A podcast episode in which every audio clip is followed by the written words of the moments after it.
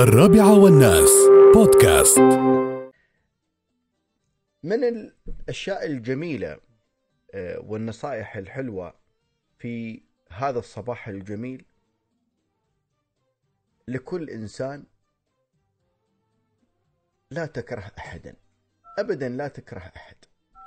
قد لا يعجبك شخص قد لا يعجبك سلوك قد لا يعجبك منظر لكن لا تكره لأن الكره بحد ذاته مرض. والمرض هذا يدمر صاحبه قبل أن يدمر من تكرهه.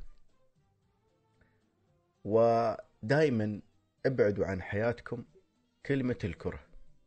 أنا أكرهك أو أنا أكره فلان؟ أبدا. قول لا يعجبني فلان ولا تعجبني تصرفاته ولا يعجبني كلامه لكنني لا أكره أحدا.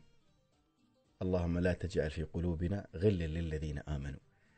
هذا الغل ما كان لأي إنسان بغض النظر عن توجهه هذا الغل يدمر نفسيتك تدمر نفسيتك. وبالتالي هذه النصيحة مو بعشان اللي أنت ما تدانيه هذا نصيحة عشانك أنت عشان أنت ترتاح عشان أنت تعيش حياة حلوة. عشان انت يوم تشرب الماي ولا تشرب القهوة ولا تشرب الشاي تشربها وانت متلذذ بها. ما تييك وتراودك هموم وغموم وتراودك هواجيس وتراودك كوابيس حول هذا الشخص اللي انت تكرهه أو اللي سوالك وما أعطاك و قول ما يعجبني. وفوض أمرك لله. وعيش بسعادة.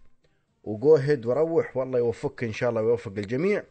وفي هذا الصباح الجميل والرائع جدا الله يوفق إخواننا واخواتنا الطلبه والطالبات في التعلم عن بعد وكذلك التعلم آه، اللي آه، يعني حاضرين في المدارس في التعلم الواقعي. ويوفق إخواننا العاملين في وزارة التربية والتعليم الكادر الإداري والتدريسي والفني والمهني وغير من الأمور هذه.